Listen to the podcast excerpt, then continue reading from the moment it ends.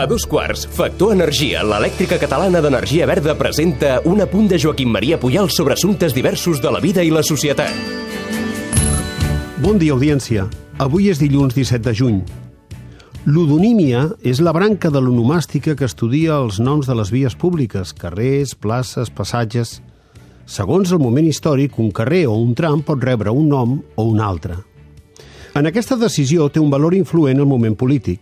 Per exemple, després de la Guerra Espanyola, a Barcelona el franquisme va canviar el nom de l'avinguda del 14 d'abril, data de proclamació de la República, pel de Generalísimo Franco.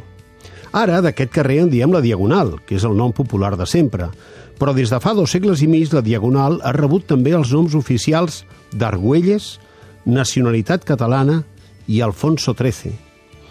Durant la dictadura, molts noms eren diferents dels d'ara.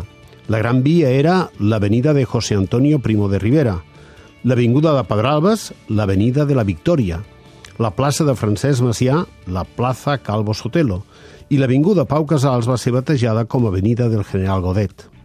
Precisament, tinc al davant una fotografia del mestre Pau Casals publicada fa exactament 85 anys.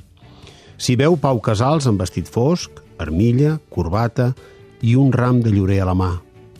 Al seu costat, l'alcalde de la ciutat, Carles Pi i Sunyer, i davant de tots dos, un històric micròfon de peu, l'estructura del qual és més alta que el mestre. Correspon la fotografia a l'homenatge que la ciutat de Barcelona li va dedicar quan va adjudicar el nom de Pau Casals al carrer de Barcelona que hi ha des de la plaça de Francesc Macià fins al Turó Parc. Pau Casals, quan la guerra, es va exiliar i el seu carrer va perdre el seu nom. Després, l'any 1977, el va recuperar. Un acte de justícia. La vida del músic del Vendrell va ser sempre un testimoni de suport a la lluita democràtica i de defensa de la catalanitat. Now, excuse me if I take your time, our time, but let me say one thing. I am a Catalan. Today, a province of Spain.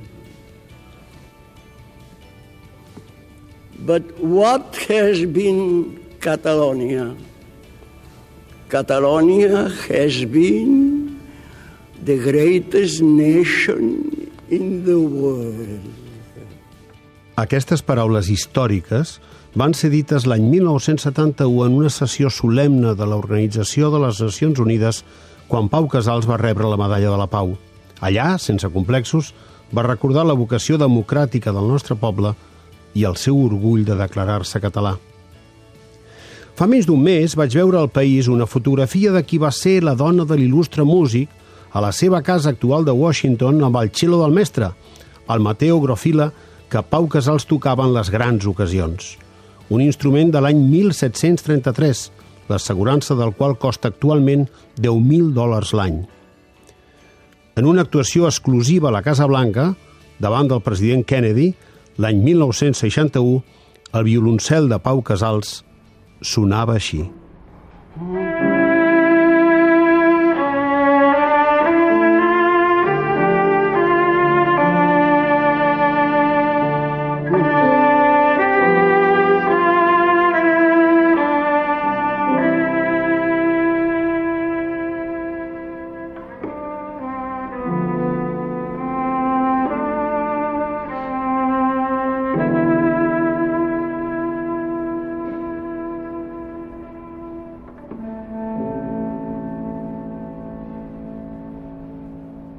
La mirada d'en Puyal és una exclusiva de Factor Energia.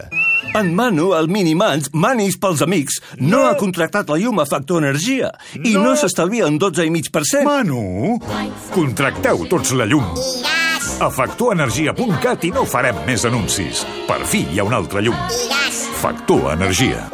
Empresa col·laboradora amb la Barcelona Equestrian Challenge.